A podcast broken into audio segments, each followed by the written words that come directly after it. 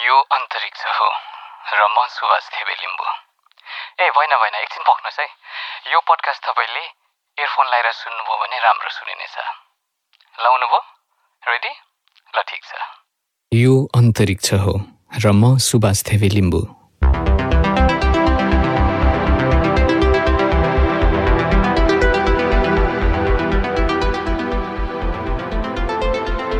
यो पोडकास्टमा हामी विज्ञान सामाजिक सरोकारका विषय सामाजिक राजनीतिक विषय र काल्पनिक विज्ञान साहित्य सम्बन्धी कुरा गर्नेछौँ।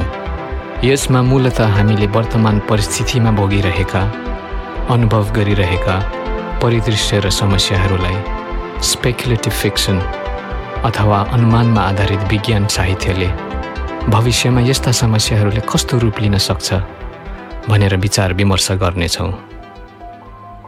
ल सुरु गरौँ आजको उडान।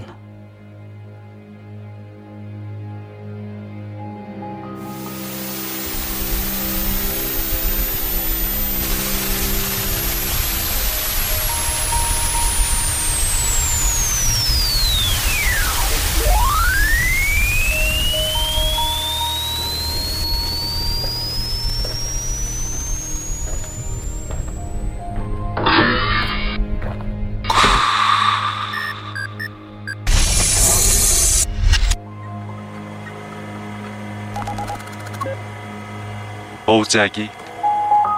No new messages. Also, creating new message. Please speak now.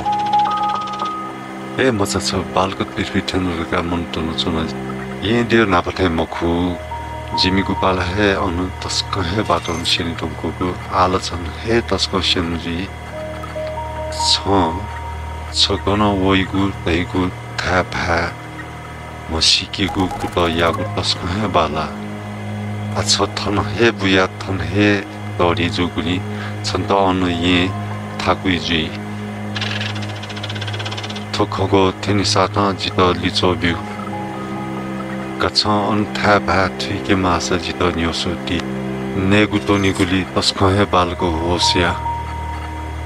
message created. Do you want to send it straight away? Call. message sent. Your message will be delivered in 6 minutes 30 seconds.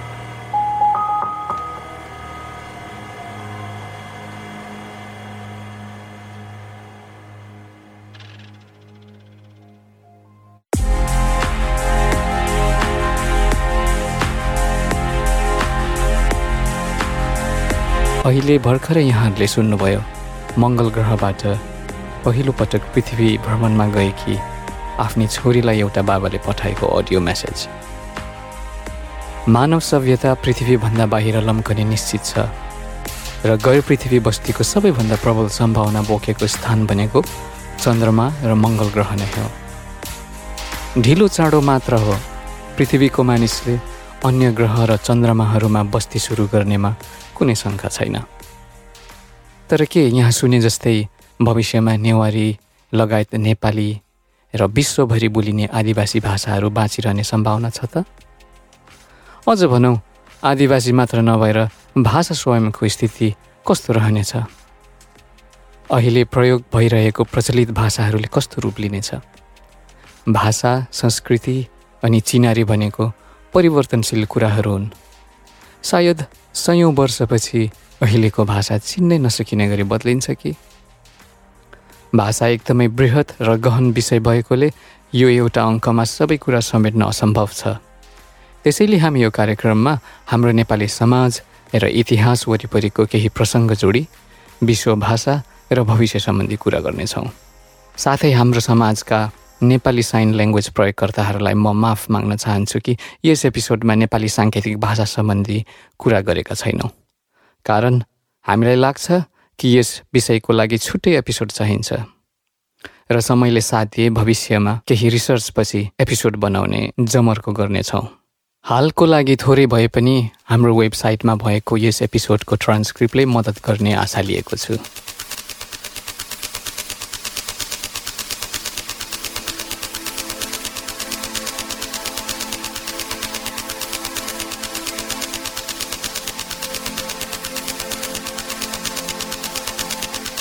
हाम्रो आकाशगङ्गा अर्थात् milky वेमा करिब दुई सय अरब ताराहरू छन्।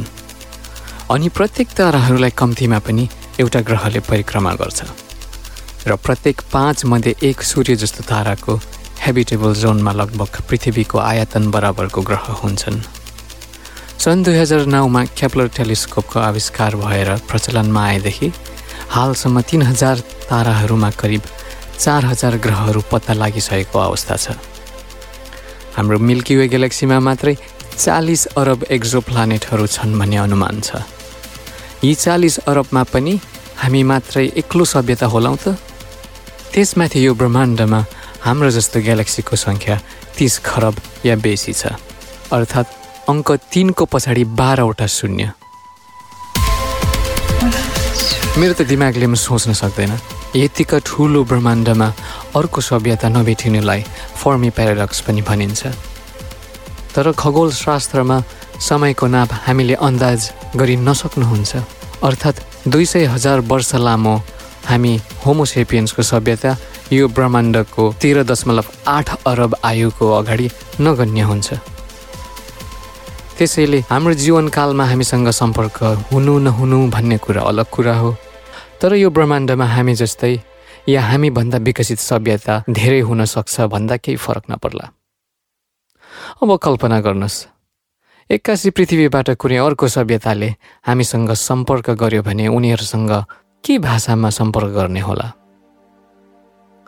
म हजुरहरूलाई फेरि पनि केही स्मरण गराउन चाहन्छु भने यो पोडकास्टमा हामी साइन्स सँगसँगै साइन्स फिक्सन अनि स्पेकुलेटिभ फिक्सनमा कुरा गर्ने भएकोले आज हामीसँग नभएका प्रविधि अनि हामीलाई थाहा भएको भौतिक विज्ञानभन्दा बाहिरको परिकल्पना पनि गर्नेछौँ। ल अब फेरि परिकल्पनातिर लागौँ। यदि अर्को तारामण्डलबाट कुनै सभ्यता पृथ्वीसम्म आउँछ भने हामी अनुमान गर्न सक्छौँ कि टेक्नोलोजिकली उनीहरू हामीभन्दा धेरै अगाडि छन्। किनकि हामीसँग अहिलेसम्म चन्द्रमामा भन्दा बाहिर अवतरण गरेको कुनै रेकर्ड छैन। इलोन मस्कको स्पेस एक्सले मङ्गल ग्रहमा छिट्टै पाइला टेकाउने धेरै सम्भावना छ। तर सौर्यमण्डलभन्दा बाहिर मानवसहितको डिप स्पेस यात्राको लागि न हामीसँग कुनै टेक्नोलोजी छ न त त्यसको सम्भावना निकट भविष्यमा नै देखिन्छ। हामी अर्को अनुमान के पनि गर्न सक्छौँ भने भाषाको संरचना र अवधारणा बिल्कुलै बेग्लै हुन सके पनि उनीहरूसँग पक्कै पनि प्राकृतिक वस्तुहरूको लागि शब्द या धारणा हुनुपर्छ। जस्तै तारा आकाश जुन उपग्रह हावा बादल पानी माटो ढुङ्गा समय अङ्क दूरी खाना इत्यादि। अझ विज्ञान सम्बन्धी कुरामा त झनै किटान गरेर ती सभ्यतासँग शब्द छन् भनेर अनुमान गर्न सकिन्छ। उदाहरणको लागि यो ब्रह्माण्डमा सबैभन्दा धेरै पाइने तत्त्व हाइड्रोजन र त्यसपछि हिलियम अनि क्रमशः अक्सिजन कार्बन नियन आइरन इत्यादि। हामी भाषाको लागि प्राय स्वर अनि लिखित र साङ्केतिक माध्यमको प्रयोग गर्छौँ। तर उनीहरूसँग ध्वनिलाई प्रयोग गर्ने तरिका फरक हुन सक्छ। सायद हाम्रो जस्तो भोकल कोड अर्थात् रुद्रघन्टी नहुन सक्छ। सायद उनीहरू ध्वनि र दृश्यभन्दा अर्को आयामबाट भाषा प्रयोग पो गर्छन् कि? ध्वनिमा पनि हाम्रो कानले सीमित फ्रिक्वेन्सी मात्र सुन्न सक्छ। बिस हर्चदेखि बिस हजार हर्चसम्म। योभन्दा तल या माथिको र यसभित्र पनि उमेर अनुसारको कति फ्रिक्वेन्सीहरू सुन्न सकिँदैन। इलेक्ट्रोम्याग्नेटिक स्पेक्ट्रममा मानिसले भिजिबल लाइट देख्न सक्छ तर फाल्न सक्दैन। यस स्पेक्ट्रममा भिजिबल लाइटभन्दा थोरै ऊर्जा भएको इन्फ्रारेड माइक्रोवेभ अनि रेडियो वेभ र धेरै ऊर्जा भएको अल्ट्राभायोलेट एक्सरे अनि गामारेहरू हामी कुनै औजार बिना पत्ता लगाउन सक्दैनौँ। तर केही प्राणीहरूले इभोल्युसनको क्रममा लाइट फाल्ने अनि अरू इलेक्ट्रोम्याग्नेटिक सिग्नल जस्तै अल्ट्राभायोलेट र इन्फ्रारेड प्रयोग गर्ने क्षमता विकास गरेका छन्। सायद ती एलियन सभ्यताले पनि यस्तै क्षमता विकास गरेका पो छन् कि? पक्कै पनि उनीहरूले अङ्ग्रेजी नेपाली राई शेर्पा नेवारी मैथली भाषा त पक्कै बुझ्दैनन्। हामीले पनि उनीहरूको भाषा पक्कै पनि बुझ्दैनौँ। कल्पना गर्नुभयो? ल कल्पना गर्नु भएन भने पनि ठिकै छ। हाम्रो कल्पनालाई सहयोग गर्ने केही साइन्स फिक्सन या विज्ञान आख्यान साहित्यकारको सहयोग लिन त पक्कै सकिन्छ। अमेरिकी साहित्यकार टेट चेङले सन् उन्नाइस सय अन्ठानब्बेमा यस्तै परिवेशमा आधारित स्टोरी अफ ए लाइफ नामक लघुकथा प्रकाशित गरे जसलाई दुई हजार सोह्रमा डेनी नभले अराइभल नामको चलचित्रमा उतारे। स्पोइलर एलर्ट यदि तपाईँले अराइभल हेर्नु भएको छैन र हेर्ने विचारमा हुनुहुन्छ भने अबको तिन चार मिनट स्किप गर्नुहोला। यस कथामा पृथ्वीको विभिन्न ठाउँमा एलियनहरूले सेमी सर्कुलर सिप मार्फत सम्पर्क गर्न खोज्छन्। कथाको मुख्य पात्र भाषाविद डाक्टर लुई ब्याङ्क्सले आफ्नो छोरीलाई सम्बोधन गरेर वर्णन गरेको यो कथाले भाषा मात्र नभएर फ्री विल स्वतन्त्र इच्छा समयको अवधारणा अज्ञात कुराको भय जस्ता गहकिला विषयहरूलाई खेलाएको छ।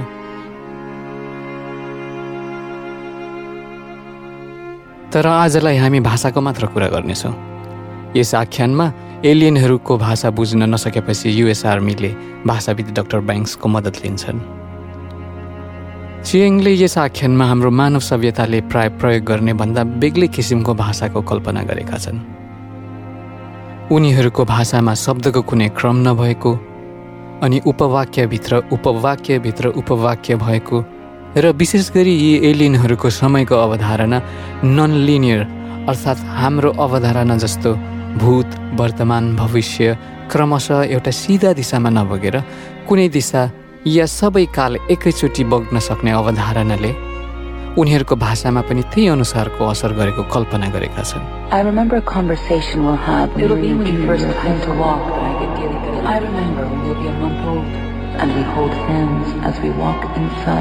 To make love, to make you.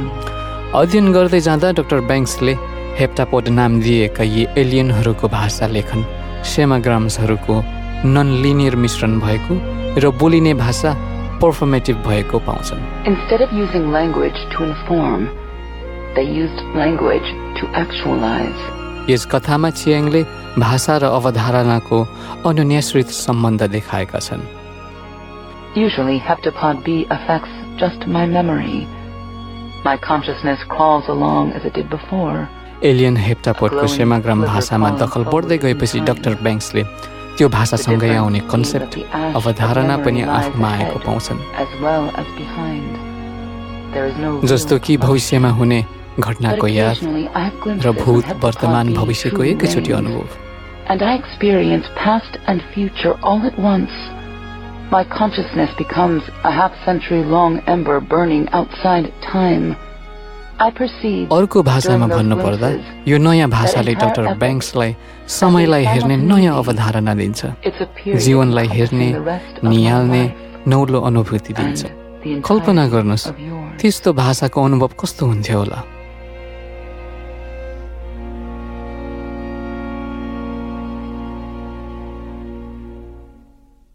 अब कल्पना अलिक घर नजिकतिर ल्याउँ है।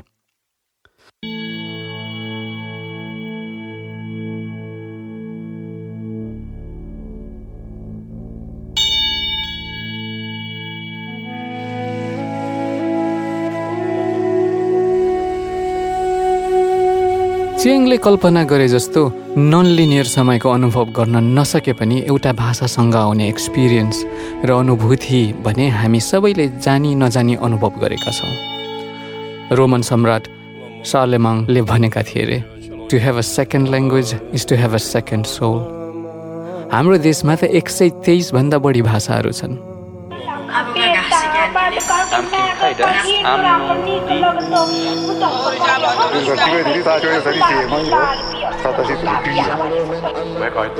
नेपाल गर्ल्स कपकी शेर्पा फुम्बेजन पत्रकार थिनौला त्यस सिना गोमाला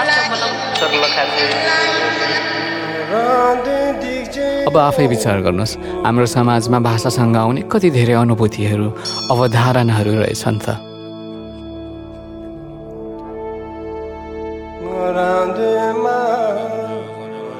केही समय अघि मात्र हामीले विश्व मातृभाषा दिवस मनायौँ।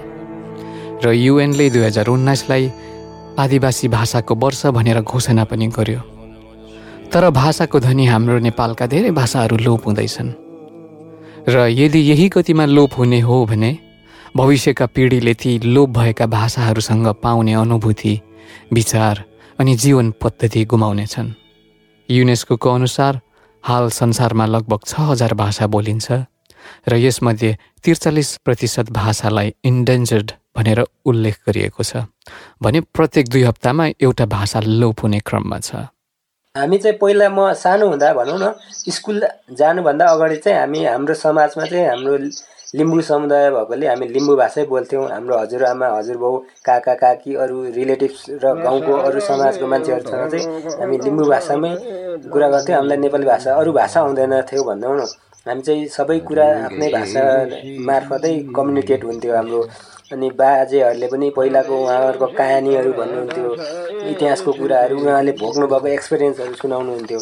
तर जब स्कुल सुरु भयो अनि हाम्रो बा नै त्यहाँ स्कुलमा टिचर हुनु भएर चाहिँ त्यो एक खालको त्यो भाषा नीति अब नेपाली भाषा खस नेपाली भाषा भनौँ न त्यो नीति अन्तर्गतको शिक्षा प्रणालीले गर्दाखेरि चाहिँ अरू भाषीलाई चाहिँ त्यो पढ्न गाह्रो हुने अनि त्यो गाह्रो हुने अनि अर्को त पढाइ राम्रो नहुने त्यो भएर चाहिँ बाले के भन्नुहुन्थ्यो भने तिमीहरू अब नेपाली बोल आफ्नो भाषा अब नबोल नेपाली भाषा चाहिँ बोल्न थालेपछि तिमीहरूको पढ्न सजिलो हुन्छ पछि जागिर खान सजिलो हुन्छ अरू मान्छेहरूसँग बोल्नलाई पनि सजिलो हुन्छ भनेर त्यस्तो तरिकाले भन्नुहुन्थ्यो बा आफै पढ्नु भएको तर पढ्नु भएर पनि त्यस्तरी हामीलाई चाहिँ त्यस्तरी गाइड गर्नुहुन्थ्यो भनौँ न त्यो एक भाषा प्रणालीले चाहिँ एक हिसाबको प्रभाव चाहिँ त्यस्तो खालको थियो। त्यो भएर चाहिँ अगाडिको जेनेरेसनले पनि हामीलाई चाहिँ त्यसरी चाहिँ एक खालको प्रोत्साहन अरू नेपाली भाषा बोल भन्ने खालको प्रोत्साहन गर्नुभयो कि?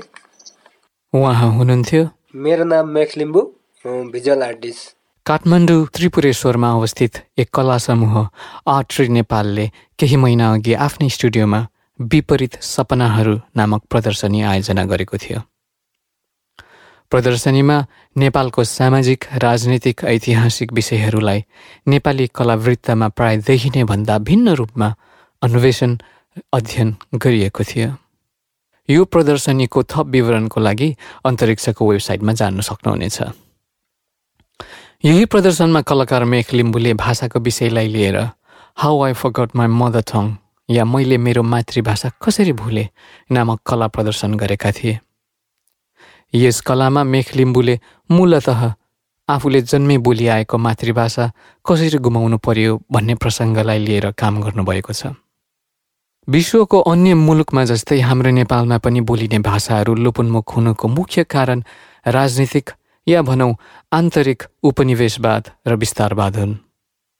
खास गरी पञ्चायती शासनको एक भाषा एक धर्म एक भेष नीतिले नेपाली भाषा र हिन्दू संस्कृति बाहेक अन्य समुदाय आदिवासी जनजाति दलित मधेसी इत्यादिका भाषा संस्कृतिलाई दबाउने र मास्ने काम गरेको अनुभव अहिले पनि धेरै सुन्न पाइन्छ। फेरि कलाकार मेख लिम्बू। कस्तो भने हाम्रो जब पृथ्वीनारायण शाहले एक हिसाबले एकीकरणको नाममा कोनोलाइज गर्यो त्यसपछि अब एक सय चार वर्ष राणाहरूले शासन गर्यो निरङ्कुश शासन त्यसपछि त्यति त्यत्रो हुँदा पनि कति हाम्रो इतिहास अथवा संस्कृति अथवा कति कुराहरू हाम्रो जोगिएर बसेको थियो नि त हाम्रो इन्डिजिनियसदेखि लिएर जति पनि राज्यबाट सीमान्तकृत भएको अथवा बहिष्कृत भएको भनौँ न पछाडि पारिएको त्यसको इतिहास चाहिँ यो पञ्चायतकालको यो तिस वर्ष शासनले चाहिँ एजुकेसन एक भाषा एक धर्म एक भेषको मार्फत यति धेरै त्यसले नष्ट गरेको अरू जाति अरू धर्म मान्नेलाई चाहिँ महेन्द्रले चाहिँ शिक्षा नीति मार्फत चाहिँ एक भाषा नीति मार्फत चाहिँ अब एउटै भाषा लागू गरेपछि त हाम्रो त बहुभाषिक बहुधार्मिक बहुजातीय राज्य हो। त्यसमा त धेरै असर पर्ने भयो नि त। अब धेरै अरू भाषी अरू जाति अरू धर्म मान्नेलाई त त्यसले त एकदमै डिस्क्रिमिनेसन भयो। यो डिस्क्रिमिनेसन विभेद। लिम्बू समुदायमा मात्र नभई खस नेपाली बाहेक सम्पूर्ण भाषाहरूप्रति भएको थियो। अघि कलाकार मेख लिम्बूले भन्नुभयो चाहिँ संस्थागत रूपमा एउटै भाषालाई मात्र स्थापित गरेपछि सयौँ वर्षदेखि बोल्दै आएका सयौँ आदिवासी भाषाहरू स्वत सीमान्तकृत र लोप हुँदै गए। आफ्नो मातृभाषालाई कुनै स्थान नदिएको आफ्नै राज्यमा धेरै बाबाआमाहरूले आफूले भन्दा राम्रो अनि समान अवसर पाओस् भन्ने आशाले नेपाली मात्र बोल्न सिकाए। समानता र अवसर भाषासँग कति जोडिएको हुन्छ भनेर यी दुर्भाग्यपूर्ण घटनाक्रमहरूले देखाउँछ। अझ भनौँ नेपालमा मात्र नभई संसारको सबै उपनिवेशवादीहरूले आदिवासीहरूको भाषालाई मारेर शासन चलाएको देखिन्छ। केही उदाहरणमध्ये दक्षिण अमेरिकामा स्पेनिस र पोर्चुगिज उपनिवेशको हावी अफ्रिकी महाद्वीपमा विभिन्न कालखण्डमा विभिन्न उपनिवेशीहरूले आफ्नो भाषालाई सबैभन्दा माथि र स्थानीय आदिवासीको भाषालाई सबैभन्दा तल राखी पद्धतिबद्ध ढङ्गले नाश गरेको र उत्तरी अमेरिकामा नेटिभ अमेरिकनहरूको भाषा संस्कृतिको युरोपबाट गएका उपनिवेशवादीहरूबाट निर्मम विभेद।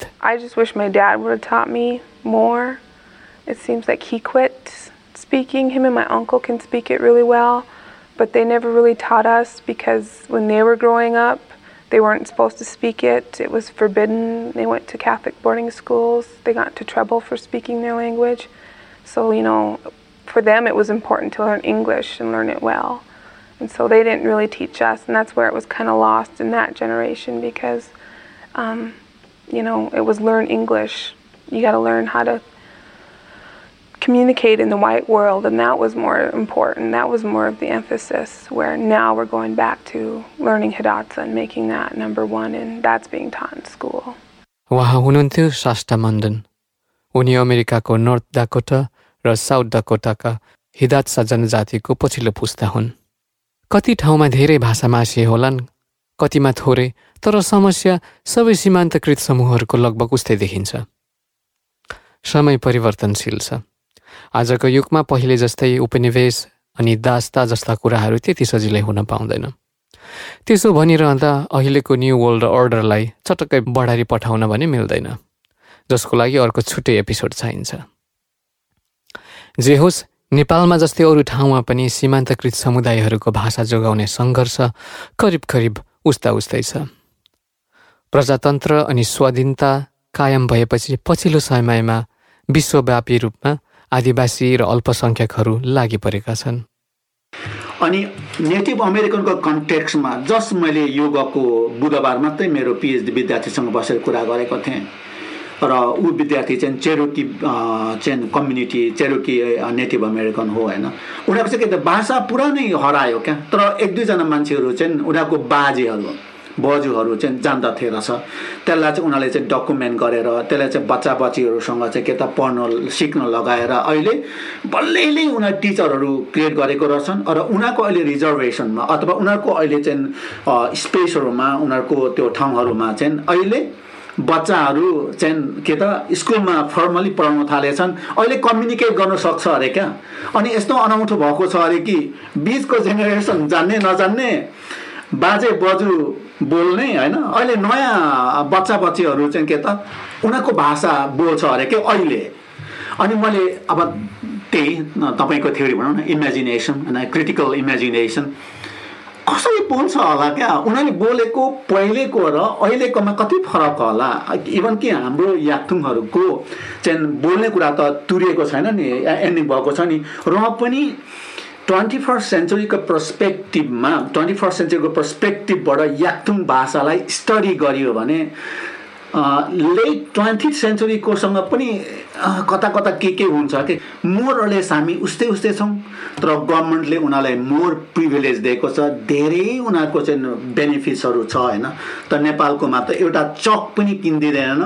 होइन? एउटा डस्टर पनि किनिदिँदैन होइन? टिचरको ट्रेनिङ र टिचरको तलबको कुरा त अब केही नगरौँ न त्यसले गर्दाखेरि धेरै कुराहरू फरक छन् तर ल्याङ्ग्वेज लर्निङ कन्सेप्टमा चाहिँ मलाई आसामको लिम्बूहरू र यता नेटिभ अमेरिकनहरूको स्थिति उस्तै उस्तै होला अथवा नागाल्यान्डको याक्तुङहरूको र यता हाम्रो चेरुकीहरूको अथवा नेटिभ अमेरिकनको स्थिति उस्तै उस्तै होला। उहाँ हुनुहुन्थ्यो। प्रोफेसर डाक्टर मारहङ खवाङ लिम्बू उहाँ अमेरिकाको Michigan state युनिभर्सिटीको department of writing rhetorics and American कल्चर्समा अध्यापन गराउनुहुन्छ। डिजिटल रेटोरिक्स अनि global literacies global indigenous rhetorics South Asian Kirat Yakthung rhetorics उहाँको हालको रिसर्च इन्ट्रेस्टका विषयहरू हुन्। प्रोफेसर लिम्बूले गत वर्ष आदिवासी जनजातिको भाषा र जीवनशैलीलाई लिएर एउटा निबन्ध लेख्नुभएको थियो। उहाँ तर्क गर्नुहुन्छ सबैभन्दा पहिले वर्षौँदेखि संस्थागत रूपमा लादिएको चिनारीलाई आफ्नो स्थान समय र मस्तिष्कबाट अलग्याउनु दोस्रो आफ्नो भाषा संस्कृति अनि जीवन पद्धतिसँग पुनः सम्बन्ध बढाउनु या अभ्यास गर्नु। र तेस्रो एक्काइसौँ शताब्दीको यो विश्वव्यापी डिजिटल सञ्जाललाई ध्यानमा राखी आफ्नो भाषा सभ्यतालाई समय अनुकूल अध्ययन समीक्षा र रचना गर्नु। यसमा चाहिँ यो खस आर्यनहरूले हाम्रो दिमागलाई हाम्रो बडीलाई हाम्रो भोइसलाई हाम्रो स्पेसलाई हाम्रो प्लेसलाई चाहिँ एउटा कोलोनाइज गरेको छ नि।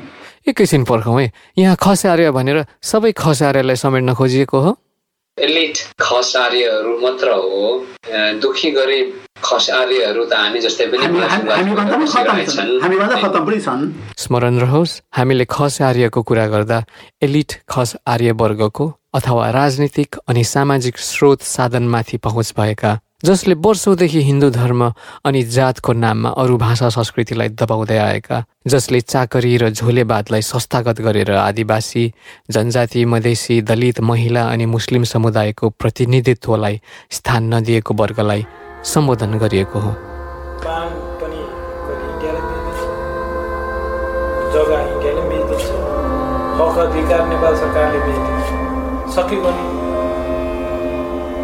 कोही बोल्दैन कोही बोल्दैन कोही आउँदैन कोही सुन्दैन कोही भन्यो भने समय र परिस्थिति केही फेरिएको छ तर तिनै वर्गका सन्तानहरू आजको दिनमा पनि उच्च ओहदा र राजनीतिक सामाजिक लाभ लिइरहेको अवस्थाको श्रेय भने ती विभेदकारी नीति प्रथा र ती प्रथा अवलम्बन गर्ने एलिट वर्गलाई जान्छ।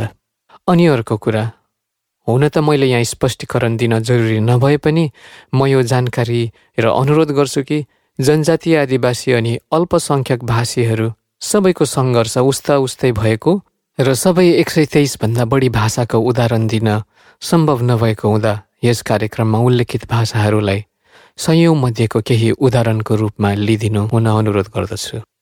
फेरि डाक्टर लिम्बू। अथवा इन्डियाले याक्थुङहरूको भूमिमा याक्थुङहरूको जुन आइडेन्टिटी स्पेस प्लेस र मडी बडी र माइन्डलाई एउटा चाहिँ कोलोनाइज गरेको छ भने त्यसलाई चाहिँ हामीले डिलिङ गरिदिनुपर्छ। त्यसलाई अनलर्न गर्नुपर्छ त्यसलाई डिलर्न गर्नुपर्छ र हामीले चाहिँ के त रिलिङ गर्नु पर्यो के गर्नु पर्यो भनेदेखि हाम्रो सावा याथाङ कल्चर सुसुवा लिलि सुसुवा लिलिम याक्थुङ कल्चरलाई चाहिँ हामीले रिलिङ गर्नु पर्यो थिबोङ याक्थुङ कल्चरलाई सिभिलाइजेसनलाई हामीले रिलिङ गर्नु पर्यो याक्थुङ सुहाङ हाम्रो कल्चरलाई हिस्ट्रीलाई आइडेन्टिटीलाई स्पेसलाई हामीले चाहिँ के त रिलिङ गर्नु पर्यो। चाहिँ भन्ने कुरा हो। अब हामीले चाहिँ के गर्नु पर्यो रिलिङ्कमै हामीले आफ्नो भाषा साहित्य संस्कृति पढ्दै आउनु पर्यो र धेरै हदसम्म हामीले हाम्रो हिस्ट्रीलाई धेरै रिलिङ्क गरिसकेको स्थिति छ। हामी अहिलेको ट्वेन्टी फर्स्ट सेन्चुरीको याक्थुङहरूले योभन्दा पहिलेको हाम्रो हिस्ट्रीलाई र हाम्रो पछाडिको हाम्रो डिस्टेन्ट फ्युचर जेनेरेसनलाई चाहिँ कसरी लिङ्क गर्ने र हामी त्यसमा चाहिँ ब्रिजिङ एउटा ब्रिजको काम चाहिँ कसरी गर्ने भन्ने कुरा गर्छु। विशेष गरी दुई हजार पैँतालिस सालको जनआन्दोलनपछि भाषा सम्बन्धी धेरै चर्चा बहस अनि संरक्षणका कामहरू भए र डाक्टर लिम्बूले भन्नुभए जस्तै रिलिङ्क गर्ने कामहरू जनआन्दोलनपछि मात्रै सक्रिय रूपमा हुन सकेको हो। तर लोपोन्मुख हुनु या भनौँ रिलिङ्क गर्न अवसर नपाउनुमा राजनीतिक मुख्य भए पनि अरू कारण नभएका भने होइनन् अन्तर्जातीय विवाह बसाइसराई जनसङ्ख्यामा रास आउनु आदि केही कारणहरूमा पर्छन् I speak one language basically. I speak English. Um, I did French in school up until GCSE E level, and I started learning uh, to speak Nepali about four years ago. Hello, my name's Tara Mananda. I'm a documentary filmmaker based in London. Uh, my mother is English, she's from Manchester, and my father is uh, Nepalese. He was born and raised in Kathmandu. बेलायती आमा र नेपाली बाबाकी छोरी लन्डनवासी film maker Tara Manandhar केही वर्ष यता नेपाली भाषा सिक्दै हुनुहुन्छ तारा मानन्दरको प्रसङ्गमा उनलाई नेपाली नेवारी भाषा नजान्नुमा परिस्थिति र स्थान फरक भए पनि समानता र अवसरसँग सम्बन्ध भएको विचार उहाँ राख्नुहुन्छ I think there was an element of that. He thought it might have been disad- disadvantageous to us to know. Um, it might have been confusing for us to take on a second language, and also it might have made us feel like more outsiders in a way or more different in a way. And I think they were already, both my parents were very conscious of that already, that obviously being you know, um, like a mixed race family in the 80s and 90s. They didn't want to do anything which would like increase our visibility in terms of our, our difference. So I think there was an element of that. I think that my dad, the kind of racism that he experienced in the 70s, which I've heard about, and the kind of the way he slotted into the to the culture here, and you know sometimes that was difficult. Like he didn't get opportunities to, at work, he didn't get promoted in the same way um, that his peers did, and I think that whole experience made him want to suppress his culture a little bit or made him feel like that was necessary to do. And I think that in a way that's part of why I've been wanted to reconnect to the language because I feel like that's part of him that maybe he couldn't like bring forward or he yeah he had to suppress or repress a little bit in order to fit in in order to be anglicized and English in, in order to he- to help us fit in. And I think that, in a way, is more why I've wanted to reconnect with the culture and with the language is to kind of because I feel like I've I missed out, you know. अघि केही समय अघि भने जस्तै भाषा लोप भए त्यससँग आउने अनुभूति विचार अनि जीवन पद्धति पनि लोप हुनेछन् भाषा किन जोगाउने भनेर धेरै कारणहरू छन्। यस सिलसिलामा तारालाई सोधेका थियौँ। तपाईँलाई नेपाली वा नेवारी बोल्न आए हुन्थ्यो जस्तो लाग्छ? या भनौँ तपाईँलाई नेवारी नेपाली बोल्न आएको भए के फरक हुन्थ्यो? I'm trying to include the question in my answer. I've just realised I haven't done that. I wish that I knew more Nepali. I wish that I'd learnt when I was younger. I wish that I knew how to speak Nepali and Newari language. I remember having this conversation with a friend last year about how I felt sometimes that I'd been programmed in the wrong language and I experienced the world through the wrong paradigm or through the wrong window in a way. And I think I think access to Nepali and their Newari language would have given me access to the culture in a way that I have that I haven't had and that I'd like to have. Um, yeah, I do think that language frames the way you see the world, and I think that um, I I kind of wish that I could see the world through Nepali or Newari language in the way that some of like that my dad does or that my some of my ancestors have. ताराले भने चाहिँ भाषाले संसारलाई हेर्ने एउटा फरक दृष्टिकोण दिन्छ आफ्नो पुर्खाहरूको दृष्टिकोणसँग नजिक पुर्याउँछ यता डाक्टर लिम्बू मातृभाषा जाने अथवा लिम्बू भाषा जाने परापूर्व कालदेखि नै पुर्खाहरूले चलाउँदै आएको मुन्धुम जानिने अथवा आफ्नो संस्कार जानिने र त्यसले इङ्गित गरेको सामाजिक मूल्य मान्यताले वैकल्पिक समाजको परिकल्पना गर्न सकिने तर्क गर्नुहुन्छ। ल्याङ्ग्वेज किन चाहियो भने कि याथुङ भाषा सिकेपछि मुन्धुम जाने। मुन्धुम जानेपछि मुन्धुममा कतिको डेमोक्रेटिक र कतिको चाहिँ तपाईँको एउटा बेस्ट समाजको कन्स्ट्रक्सन मुन्धुमले गरेको भन्ने थाहा हुन्छ। तर तपाईँ हिन्दूमा जानुभयो भने तपाईँ कृष्णले दही चोरेर खाने कृष्णले चाहिँ कुतातिर चाहिँ मामा मार्ने होइन?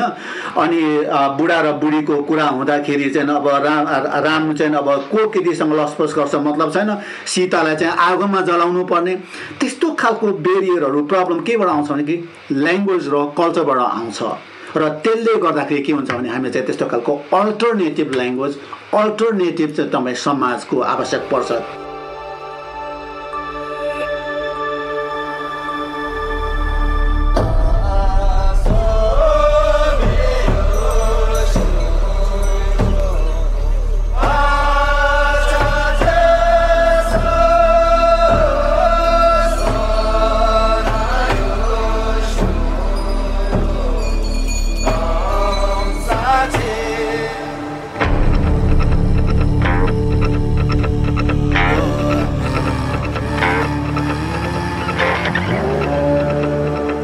प्रत्येक भाषाको आफ्नो छुट्टै संरचना हुन्छ।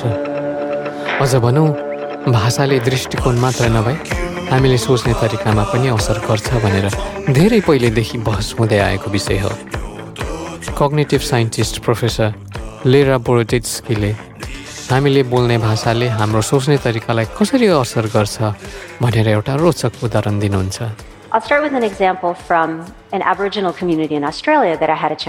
I. These are the Tire people. They live in Pomporao at the very west edge of Cape York. And what's cool about Tire is in Tire, they don't use words like left and right. And instead, everything is in cardinal directions north, south, east, and west. And when I say everything, I really mean everything. You would say something like, oh, there's a, an ant on your southwest leg uh, or move your cup to the north northeast a little bit. In fact, the way that you say hello in Cook Tire is you say, Which way are you going? And the answer should be north northeast in the far distance. How about you? So imagine as you're walking around your day, every person you greet, you have to report your heading direction. That would actually get you oriented pretty fast, right? Because you literally couldn't get past hello uh, if you didn't know which way you were going. Uh, in fact, people who speak languages like this stay oriented really, really well. They stay oriented better than we used to think humans could. Uh, we used to think that humans were worse than other creatures because some biological excuse, oh, we don't have magnets in our beaks or in our scales. No. If your language and your culture trains you to do it, actually, you can do it. There are humans around the world who stay oriented really well.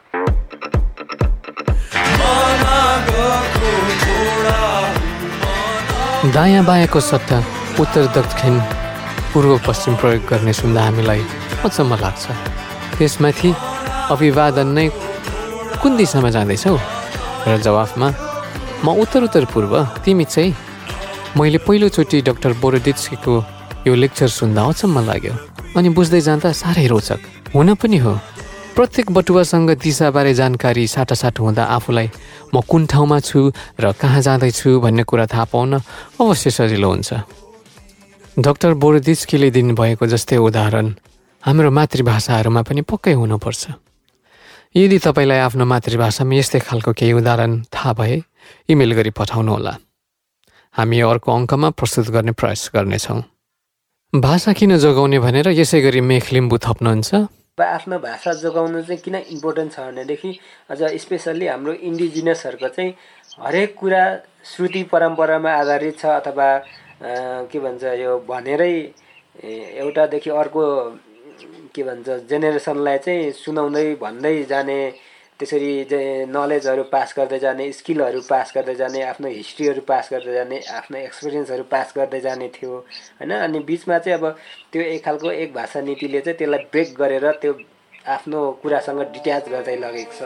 अनि त्यो आफ्नो आफ्नो इतिहास अथवा हामी आफै नै त्यो यस्तो भाषासँग एकदमै त्यो आफ्नो मुन्दुमै अथवा आफ्नो इतिहास आफ्नो कल्चरै त्यसरी आफ्नो म्युजिकै त्यसरी रिलेट भएको हिसाबले पनि आफ्नो भाषा चाहिँ जाने भने आफूलाई बुझ्न पनि सजिलो हुन्छ आफ्नो कल्चर थाहा पाउन पनि सजिलो हुन्छ आफ्नो इतिहास आफूलाई बुझ्नै सजिलो हुन्छ मेन त।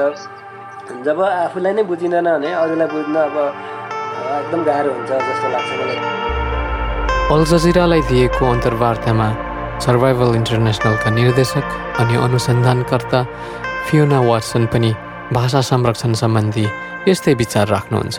उहाँ भन्नुहुन्छ जो कसैको लागि सबैभन्दा ठुलो मानवाधिकार भनेको स्वाधीनता हो यो आफ्नो इच्छा अनुसार बाँच्न पाउने अधिकार हो र भाषा यो अधिकार र इच्छा आकाङ्क्षाको मुख्य अंश हो।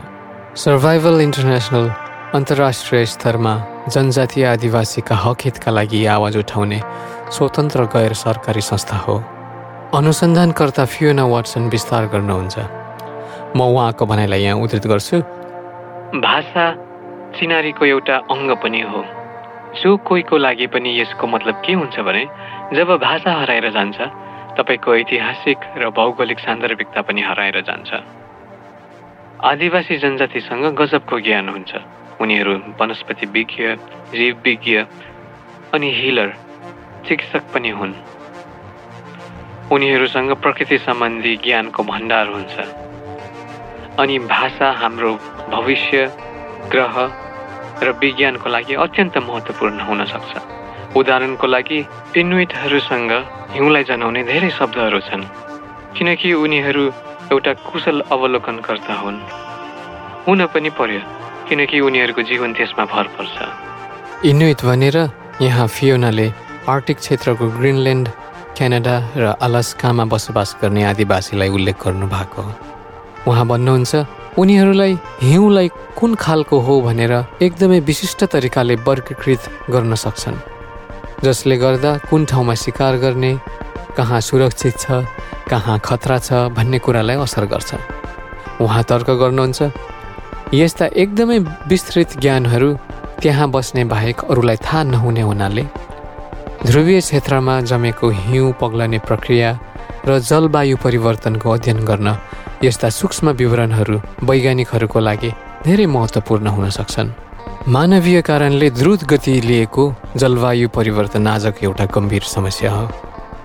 तपाईँले डिस्टोपियन साइफाई फिल्म हेर्नुभयो या कथा पढ्नुभयो भने प्रायःजसो सबै कथाको पृष्ठभूमिमा जलवायु परिवर्तनले पृथ्वीलाई तहस नहस पारेको पाउनुहुनेछ। प्रकृतिसँग नजिक सम्बन्ध राख्ने आदिवासीहरू अहिले ब्राजिलदेखि उत्तर अमेरिकासम्म जलवायु परिवर्तन रोक्न पुँजीवादी सरकारहरूसँग आन्दोलन गरिरहेको अवस्था छ। फ्युना वार्सनले भन्नुभएको जस्तै चाहे त्यो हिमाली भेगको आदिवासी होस्।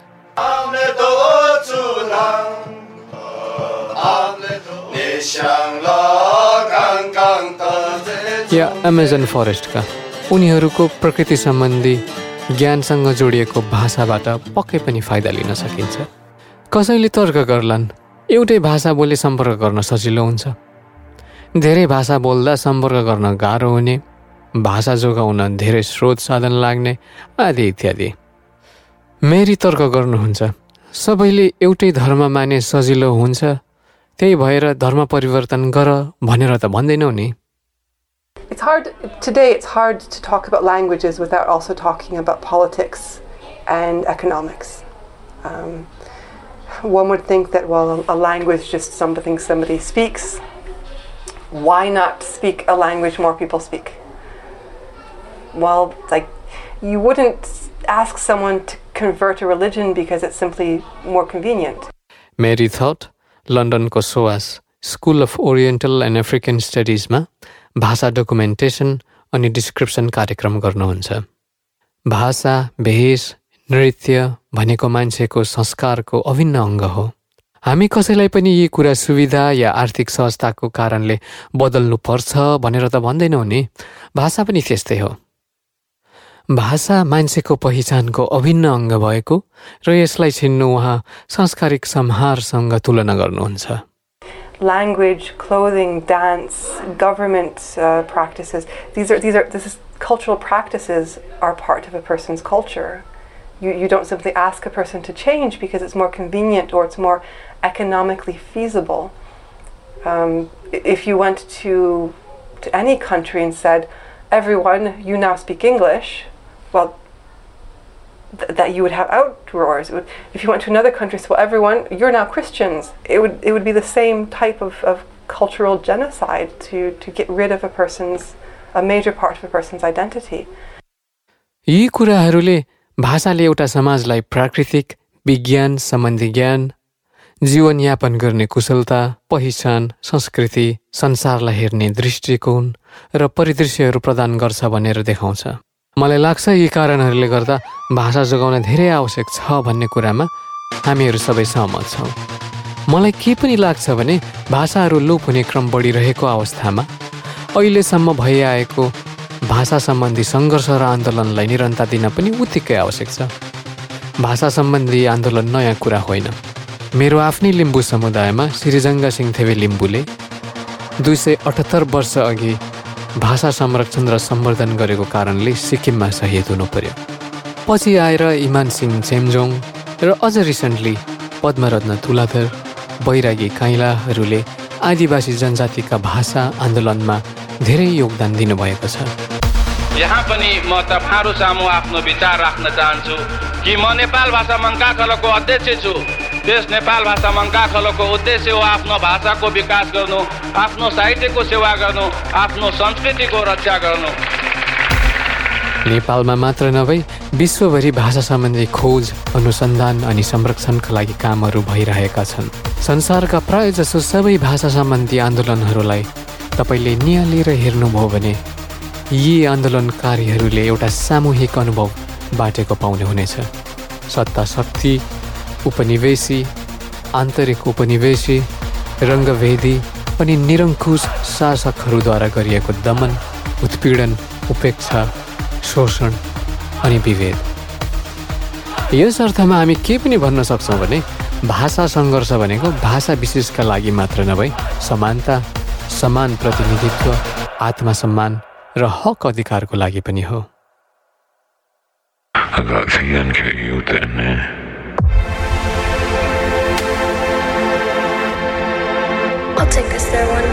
आजको स्थितिलाई हेरेर भविष्यमा भाषाहरूको अवस्था कस्तो रहनेछ त? सन् दुई हजार पन्ध्रमा कोलम्बिया विश्वविद्यालयका प्राध्यापक भाषाविद जोन एच मेक्रोटरले एउटा निबन्ध लेख्नु भएको थियो। What the world will speak in twenty one fifteen उनी भन्छन् भविष्यमा यात्रा गर्ने हो भने ती यात्रीले दुई कुरा आजभन्दा धेरै फरक पाउनेछन्। म उहाँलाई फेरि उद्धृत गर्छु। एक त्यस बेला धेरै थोरै भाषाहरू हुनेछन्। दोस्रो भाषाहरू आजको तुलनामा कम जटिल हुनेछन्। विशेष गरी लेखाइभन्दा बोलाइको हिसाबले। जोन भन्छन् ठुलो सङ्ख्यामा बोलिने भाषाहरू रहने तर सानो सीमित समुदायमा बोलिने भाषाहरूलाई धेरै गाह्रो हुनेछ।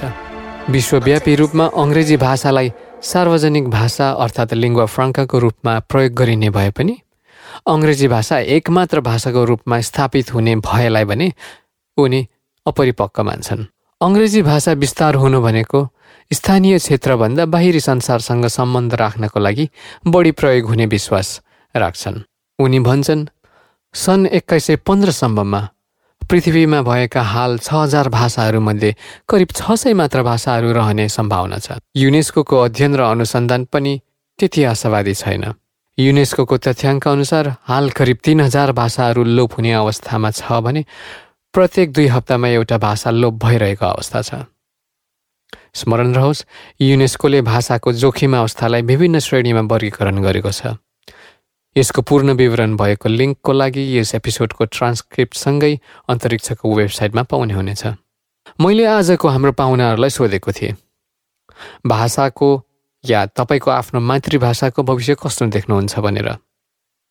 पछिल्लो जेनेरेसन चाहिँ अलिकति यसमा चाहिँ कमै भन न नेपाली भाषै बढी बोल्छ अनि त्यसले गर्दा लिम्बू भाषा चाहिँ एकदम कमी हुँदै आएको छ। अनि पछिल्लो टाइम चाहिँ यो अब आफ्नो मातृभाषामा शिक्षा दिने जब यो सिस्टम सुरु भयो यो पचपन्न सालदेखि छप्पन्न पचपन्न छप्पन्न सालदेखि सुरु भएको यो चाहिँ।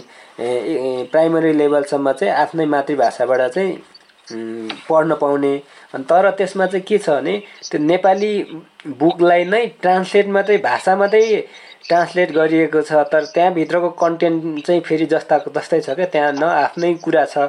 आफ्नै कुरा आफ आफैले भोगेको आफ्नो गाउँको कुरा आफ्नो धर्म आफ्नो इतिहासको कुरा भए पो अलिकति इन्ट्रेस्ट हुन्छ होला त। तर फेरि त्यही कन्टेन्ट भाषा मात्रै चेन्ज हुँदा अलिकति त्यति धेरै इन्ट्रेस्ट नभएको देखियो अनि त्यति प्रभावकारी नदि नभएको पनि देखियो। अर्कोतर्फ चाहिँ अब त्यो यो पञ्चायत कालमा चाहिँ लगभग बिस तिस वर्ष पञ्चायत कालले चाहिँ त्यत्रो तिस वर्ष अनि थप बहुदल आइसकेपछि पनि छप्पन्न सालसम्म त्यो पुरानै कोर्स त्यो पाठ्यक्रम पढाइ हुन्थ्यो। त्यसले गर्दा चाहिँ त्यो अब तिस वर्ष भनेपछि त दुईवटा जेनेरेसन भनौँ न कम्प्लिटली दुईवटा जेनेरेसन दुईवटा तिनवटा जेनेरेसन लगभग चाहिँ त्यो यो भाषा खस नेपाली भाषाको बुक पढेपछि चाहिँ त्यो पुरै नै अब त्यसले आफ्नो भाषाप्रति आफ्नो भाषासँग एक खालको डिट्याचै गरिसकेको अवस्था भयो। अनि अहिलेको जेनेरेसनलाई चाहिँ नेपाली मात्रै आउँछ आफ्नो भाषा आउँदैन। त्यो भएर फेरि लिम्बू भाषा सिक्न चाहिँ फेरि त्यति नै गाह्रो अवस्था चाहिँ छ। उहाँ हुनुहुन्थ्यो कलाकार मेख लिम्बू। भाषाविद मेरीको पनि अनुमान त्यति फरक छैन।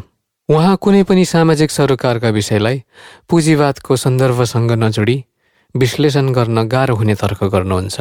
पुँजीवादको विश्वव्यापी अतिक्रमण भइरहेको अवस्थामा भाषाहरूको भविष्य धेरै नाजुक देख्नुहुन्छ।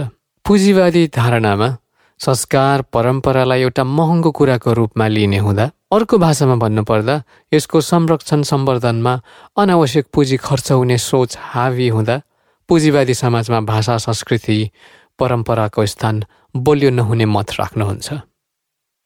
In today's current trend of capitalism, I fear for the worst because there's an idea that cultural heritage is costly. Therefore, in order to have economic progress, you have to abandon cultural heritage. But then, what is money without a quality of life? And it's your cultural heritage that brings that quality of life. There have been many studies um, in the Americas, like in Canada, uh, North America, where you know these these populations, the native, you know, Amerindian indigenous populations, who have who are forcibly uh, taken away from their parents, who were put in boarding schools, who were beaten if they spoke their, their native languages. Um, they, they have health problems. The, the, human brain and body can't survive being stripped of its identity. And people who do lose their, their native languages do have a tendency to have higher substance abuse rates and higher cases of depression and anxiety. Um, trying to negotiate where they exist in, in society, and that's that's difficult. केही साता अघि नेपाल भाषाको रञ्जना लिपिमा कार्यशाला चलाइराख्नु भएको अवस्थामा London पासापुचो गुटीका अध्यक्षसँग यही विषयमा सानो कुराकानी गरेका थियौँ मेरो नाम संयुक्त श्रेष्ठ हो मुख्यत म एउटा कलाकार नै हो फिल्म मेकर एनिमेटर अथर र चाहिँ मेनली आर्टिस्ट अहिले चाहिँ हालको लागि चाहिँ म लन्डनको पासापुचा गुथी युकेको चाहिँ। लन्डन च्याप्टरको चाहिँ म प्रेसिडेन्ट हो होइन। मेरो अब मेरो मातृभाषा चाहिँ नेपाली भाषा हो होइन।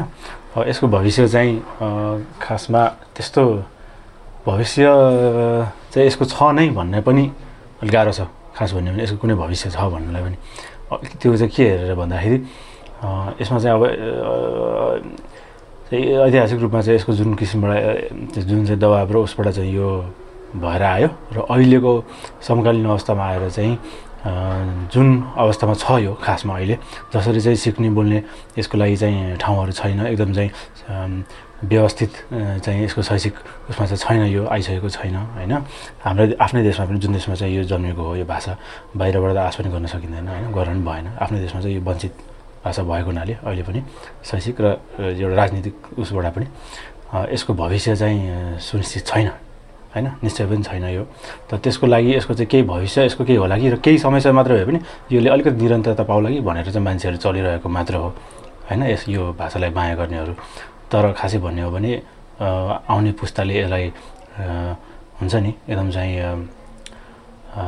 राम्ररी नअँगालिसकेको हुनाले चाहिँ यसको भविष्य छ। भनेर चाहिँ म किटान गरेर भन्न सक्दिनँ त्यतिसम्म। यी प्रतिक्रियाहरूलाई सारांशमा यसो भन्दा फरक नपर्ला। ऐतिहासिक दमन अनि उपेक्षाको फलस्वरूप आज आएर नयाँ पुस्ताले मातृभाषा नअङ्गालेको नसिकेको वा रुचि नदेखाएको अवस्था मातृभाषा सिक्न सिकाउन अनुकूल वातावरण तयार गर्न असक्षम या अनिच्छुक भएको सरकार र पुँजीवादी माहौल इत्यादिले भाषाको भविष्यलाई नकारात्मक प्रभाव पारिरहेको र पार्नेछ। यद्यपि सबै जानकारहरूको विचार यही भन्ने होइन। प्रोफेसर मारोहाङ लिम्बू यसमा फरक मत राख्नुहुन्छ। अहिले संसारमा रहेको होइन जुनसुकै इन्डेन्जर कन्डिसनमा रहेको भाषाहरू छन् त्यहाँको गभर्मेन्टले चाहिँ रोल प्ले पक्कै पनि गर्छ। अब त जहीँ पनि डेमोक्रेसी नै छ। क्या तपाईँको त्यो जुन छ नि एउटा म चाहिँ यस्तो शासक हो कि जहाँ चाहिँ म सबै कुरा चाहिँ डिस्ट्रोय गरेर म मात्रै बाँच्छु भन्नेहरू छ अब अलमोस्ट अलमोस्ट सिद्धिन्छन्। धेरै मान्छेहरू अब इन्स्टिट्युसनहरूमा चाहिँ एकदम अरू अरू भाषालाई इम्पावर गर्ने। जति धेरै भाषा जान्यो त्यति धेरै मान्छेमा कि त डाइनामिजम डाइनामिक भएर जान्छ त्यति क्रिएटिभ हुन्छ त्यति कन्स्ट्रक्टिभ भएर जान्छ भन्ने छ। होइन त्यसले गर्दा कि भाषा चाहिँ त्यसरी चाहिँ जाँदैन।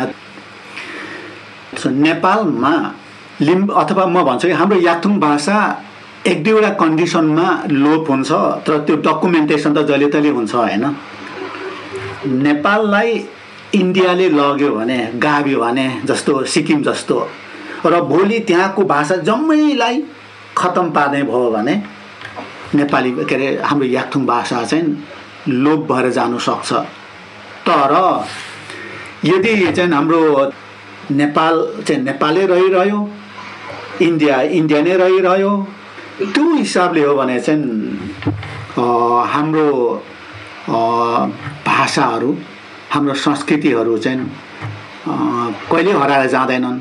भनेपछि राजनीतिक भौगोलिक अवस्थामा नकारात्मक परिवर्तन नआए तपाईँ आशावादी हुनुहुन्छ कि अबको दुई तिन सय वर्षमा पनि? अहिलेसम्म संरक्षित भइआएको भाषाहरू जीवित नै भइराख्ने छन् भनेर। त्यो चाहिँ हो त्यो त्यो चाहिँ म त्यो छु होइन। कहिले कहिले चाहिँ हुन त म अब कहिले कहिले उल्टो पाल्टो पनि सोध्छु होइन।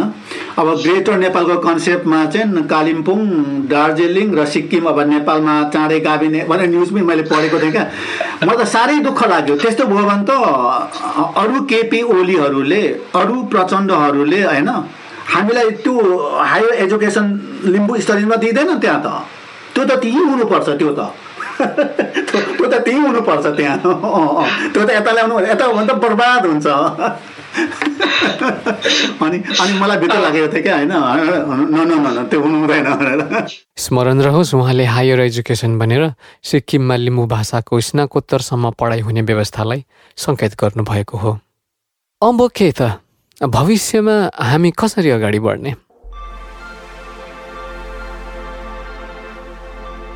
नेपालको नयाँ सङ्घीय संविधानले भाषा सम्बन्धी मागहरू पुरा गरिसकेको हुनाले यी सङ्घर्षको कुरा गर्न औचित्य छैन भन्नेहरू पनि छन्। हो अहिले सबै मातृभाषा राष्ट्रभाषा हुने संविधानमा उल्लेख छ। कतिपय सांसदहरू मातृभाषामा शपथ खाएको पनि देख्यौँ। मातृभाषालाई जोगाउन विद्यालयमा पठन पाठन गरिने पनि योजना बनाइयो। तर बाइस वर्षसम्ममा पनि मेलम्चीको पानी ल्याउन नसक्ने हाम्रो नेपालमा सरकारी तहबाट आवश्यक स्रोत साधन उपलब्ध नहुँदा यस योजनालाई कार्यान्वयन गर्ने हैसियत र इच्छाशक्ति शासन वर्गले नराखेको महसुस हुन्छ। यी बाधा अडचनहरूलाई सामना गर्नको लागि राजनीतिक पहल सँगसँगै हामीले सामाजिक सांस्कृतिक अनि मनोवैज्ञानिक तरिकाले पनि पहल गर्न आवश्यक देखिन्छ। कुनै पनि बिमारको उपचार गर्न पहिला बिमारी छ भनेर स्वीकार गरेपछि मात्र उपचारको प्रक्रिया अर्थात् डाक्टर लिम्बूको भाषामा भन्दा माङ्गेना एउटा हिलिङ प्रोसेस अगाडि बढाउन सकिन्छ। यो हिलिङ प्रोसेस चाहिँ के हुनु पर्यो भने जस्तो योभन्दा पहिले होइन हाम्रो याथुङहरूलाई भनेपछि पेन कसको छ सफरिङ कसको छ भन्दाखेरि हाम्रो माइनोरिटीहरूलाई चाहिँ गरियो होइन। अब यो मोमेन्ट भनेको चाहिँ यसलाई चाहिँ एउटा हिलिङ मोमेन्ट हो। यसलाई चाहिँ हामीले हिल गर्नुपर्छ। हिल गर्ने वेजहरू के हो त? भनेपछि त्यही हो। हामी डिबेटमा आउनु पर्यो डिस्कसनमा आउनु पर्यो नेगोसिएसनमा आउनु पर्यो। तपाईँले अघि हामी इम्प्लोय गर्नुभयो जस्तो त्यो पेनमा रहेको भनेको अब त्यो भनेको चाहिँ हामी इन्डिजिनियस पिपल र याक्थुङहरू मात्रै होइनौँ क्या त्यहाँ? त्यहाँ चाहिँ हाम्रो खसारियन दाजुभाइ दिदीबहिनीहरू होइन गरिबहरू छन् नि उनीहरू पनि छन् होइन। त्यसले गर्दाखेरि चाहिँ अहिले आएर पहिले फिजिकली तपाईँले ह्युमिलिएट गरेको डोमिनेट गरेको क्याप्चर गरेको टर्चर गरेको एक्सिकेट गरेको देशबाट चाहिँ देश निकाला गरे गरिएको सन्ततिहरू र अहिलेको पेन भनेको जुन एउटा मैले अघि भने मोर लाइक साइकोलोजिकल पेन छ। र तपाईँको भर्बल पेन छ भर्बल अब्युज छ। लिम्बू भाषामा माङ्गेनाको अर्थ शिर उठाउनु हुन्छ यही विषय वरिपरि रहेर दुई हजार सत्रमा साहित्यकार युग पाठकले माङ्गेना नेपाल मन्थन नामक गैर आख्यान किताब लेख्नुभएको थियो। उहाँले सेतो पार्टी पत्रिकालाई दिनुभएको अन्तर्वार्ताको सानो अंश म यहाँ उद्धृत गर्छु। उहाँ भन्नुहुन्छ हामी कहाँ सांस्कृतिक हिसाबले विभिन्न समुदाय उपेक्षित भएका छन्। वर्ण व्यवस्थाका हिसाबले दलितहरू उपेक्षित भएका छन्। कैयौँ सन्दर्भमा एक थरी बाहुनहरू अर्को थरी बाहुनको उपेक्षामा परेका छन्। किसान मजदुर राज्यको उपेक्षामा परेका छन्। यस्तो विभेद युक्त हाम्रो सांस्कृतिक राजनैतिक विरासत छ जहाँ धेरै मानिसको शिर झुकेको छ। यसरी धेरै मानिसको शिर झुके समाजको प्रगति हुँदैन भन्ने हाम्रो देशको इतिहासले देखाएको छ। त्यसैले समाजको प्रगतिको निमित्त यी समुदायका मानिसहरूको शिर उठाउन जरुरी छ। मैले यो किताबमा यिनै प्रश्नहरूमाथि काम गर्ने प्रयास गरेको छु। त्यसैले किताबको नाम माङ्गिना राखेको हुँ। केही साथीभाइहरू आदिवासी मधेसी दलित महिला अनि उत्पीडित समूहको पहिचान सङ्घर्ष र आन्दोलनले समाजमा विभाजन र साम्प्रदायिक दङ्गा ल्याउन सक्ने आधारहीन कुरा पनि गर्छन्। यो कुरालाई मैले भन्दा पनि अझ राम्ररी आजभन्दा तेत्तिस वर्ष अगाडि नै पद्मरत्न तुलाधरले यसरी तर्क गर्नुभएको थियो। त्यो अङ्ग्रेजी गीतको कार्यक्रम कसको लागि? त्यहाँ अङ्ग्रेजी गीत बजाइन्छ बजाइन्छ बजाइन्छ बजाइराखेको छ। तर तामाङ भाषाबाट उनीहरू दुईवटा गीत बजाउँदैनन्। गुरुङ भाषाबाट दुईवटा गीत बजाउँदैनन् मैथिली भाषाबाट दुईवटा गीत बजाउँदैन भने साम्प्रदायिक को हो?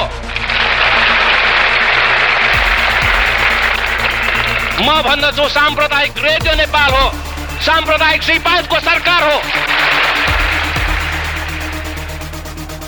स्मरण रहोस् मानव सभ्यतामा कुनै पनि शोषक वर्गले शोषित वर्गलाई दया मायाले स्वतन्त्रता स्वाधीनता र अधिकार दिएको इतिहास छैन।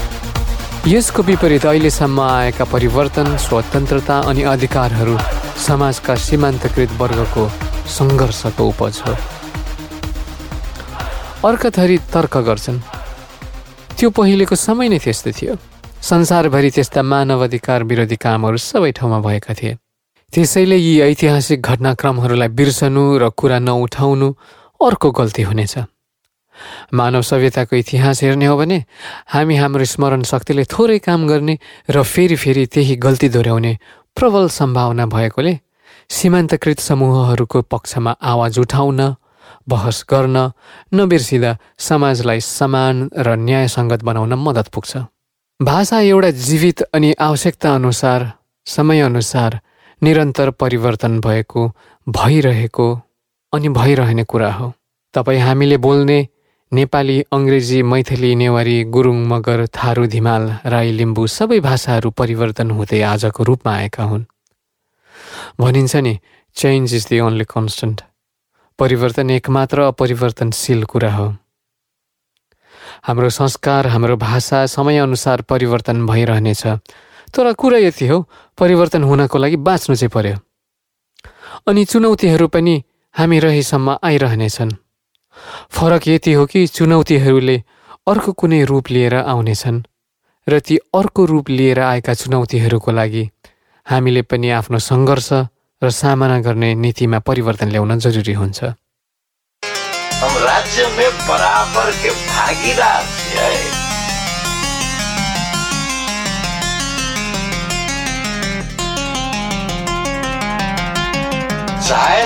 रकम न्यायिक संघर्ष जरूर अपन मुकाम पर पहुंचते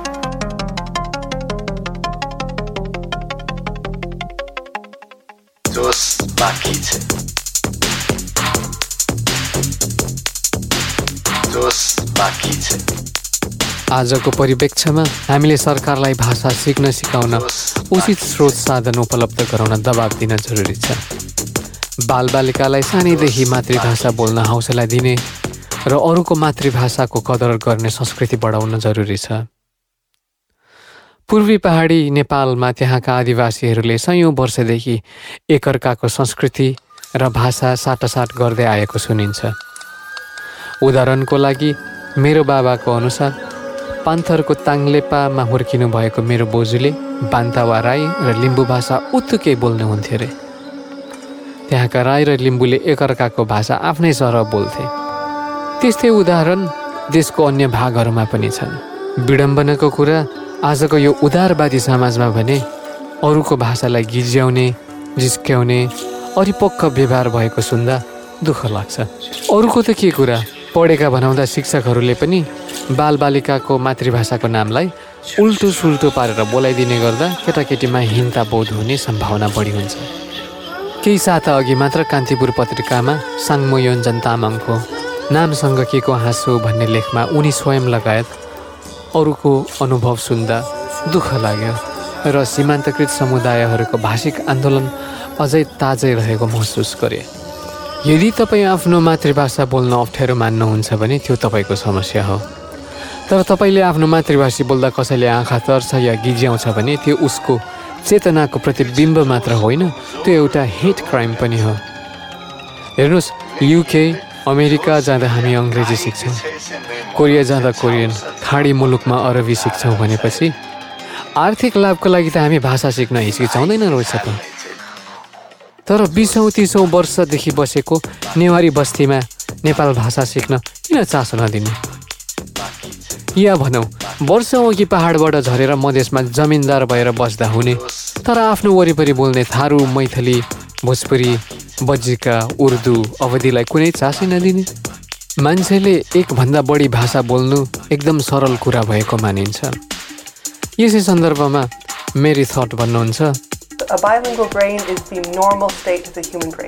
Humans aren't meant to be monolingual.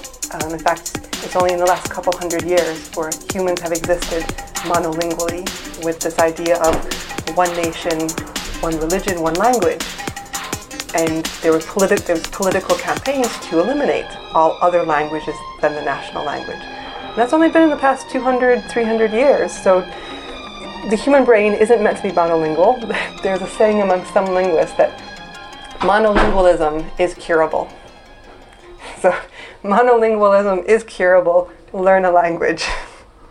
so it, this idea of um, you know bilingualism is normal. It, it's natural. It's normal to speak one language in the home and perhaps another language in the market.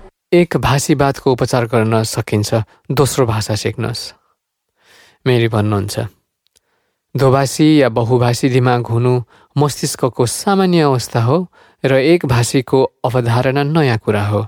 यो अवधारणा उपनिवेशीहरूले मातृभाषाहरू नष्ट गर्न उपयोग गरेको भनी उल्लेख गर्नुहुन्छ। भविष्य अनि भविष्यवादको कुरा गर्दा मलाई लाग्छ यसमा कला अनि साहित्यले ठुलो भूमिका खेल्न सक्छ। कुनै पनि एक्टिभिजममा सक्रियतावादमा सङ्गीत कला र साहित्यको प्रयोग नौलो कुरा भने होइन। तर नेपाली साहित्यमा इन्डिजिनस फ्युचरिजम अर्थात् आदिवासी भविष्यवाद।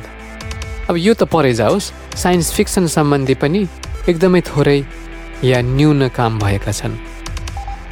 यदि साहित्यमा कलम चलाउने या चलचित्रमा काम गर्ने दिदीबहिनी दाजुभाइ कसैले यो पडकास्ट सुनिराख्नु भएको छ भने प्लिज प्लिज प्लिज तपाईँहरूले यो विधामा योगदान दिनुभयो भने भविष्यका वैज्ञानिक सर्जक अन्वेषक अनि एक्टिभिस्टहरूले तपाईँलाई मुरिका मुरी धन्यवाद दिनेछन्। र अर्को कुरा यदि तपाईँले आफ्नो साइन्स फिक्सन स्पेकुलेटिभ फिक्सनमा लघु कथा लेख्नु भएको छ भने र लेख्नुभयो भने प्लिज हामीलाई इमेल पठाउनुहोला। हामीलाई राम्रो लागि अवश्य पनि यो पडकास्टमा प्रस्तुत गर्नेछौँ। भविष्यको लागि हामीले गर्नु सक्ने अर्को काम भनेको मातृभाषालाई टेक्नोलोजीसँग समीकरण गर्दै लैजाने हो। यसको अर्थ भाषालाई टेक्नोलोजीसँग सुहाउँदो होइन कि? त्यसको विपरीत भाषालाई अनुकूल टेक्नोलोजी विकास विस्तार गर्दै लानु जरुरी छ। अझ लिखित रूपमा भन्दा पनि साउन्ड एन्ड इमेज ध्वनि र दृश्य सम्बन्धी टेक्नोलोजीमा विकास भए भाषा बाँचिरहने प्रबल सम्भावना हुन्छ।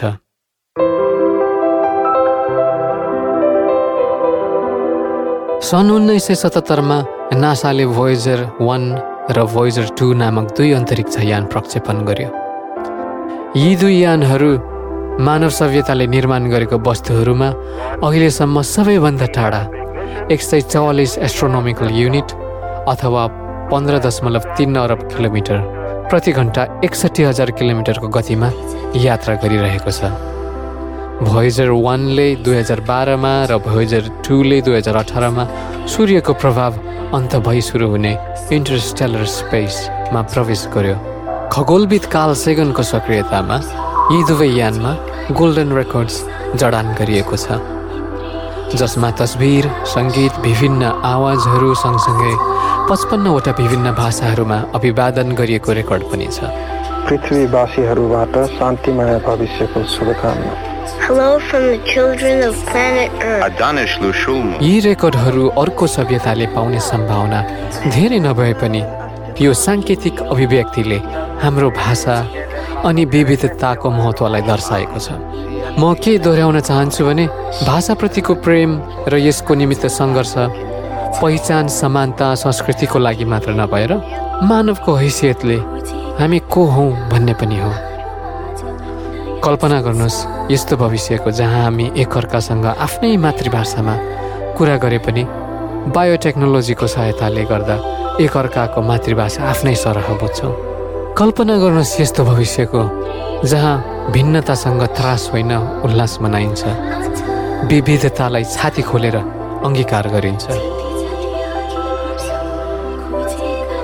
कल्पना गर्नुहोस् यस्तो भविष्यको जहाँ अर्को कुनै तारामण्डलमा तपाईँ आफ्नो मातृभाषाको रमाइलो रोचक कुरा अर्को सभ्यतालाई सिकाउनुहुनेछ। हामी जति जति परिदृश्यहरू विस्तृत रूपमा कल्पना गर्न सक्छौँ उति धेरै ती कल्पनाहरू साकार हुने सम्भावना बढ्नेछ।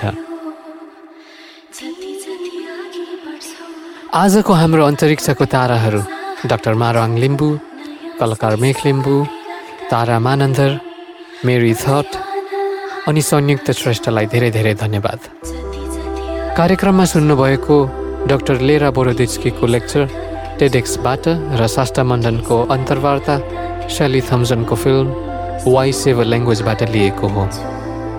आजको कार्यक्रममा फर्स्ट के प्रोडक्सनका राजन श्रेष्ठ र रोहित साक्यको मनाङ र रञ्जनको जोस बाँकी छ फिचरिङ सिकेलाल अनि विश्वसाहीको folk songs and soundscapes from नेपालबाट। पूर्वेली र रियलाइजेसन सङ्गीत तपाईँले सुन्नुभयो। आफ्नो सङ्गीत प्रयोग गर्न अनुमति दिनुभएकोमा उहाँहरूलाई धेरै धेरै धन्यवाद। यसको अतिरिक्त तपाईँहरूले Max रिक्टरको on the nature of daylight पनि यस कार्यक्रममा सुन्नुभएको थियो। योभन्दा बाहेक अरू सबै सङ्गीत र साउन्ड अन्तरिक्ष टिमले प्रड्युस गरेको अन्तरिक्ष भनेको स्क्रिप्ट सम्पादनमा प्रकाश सुनवार साउन्ड सम्पादन डिजाइनमा विश्वशाही र म होस्ट र प्रड्युसर सुभाष देवी लिम्बू।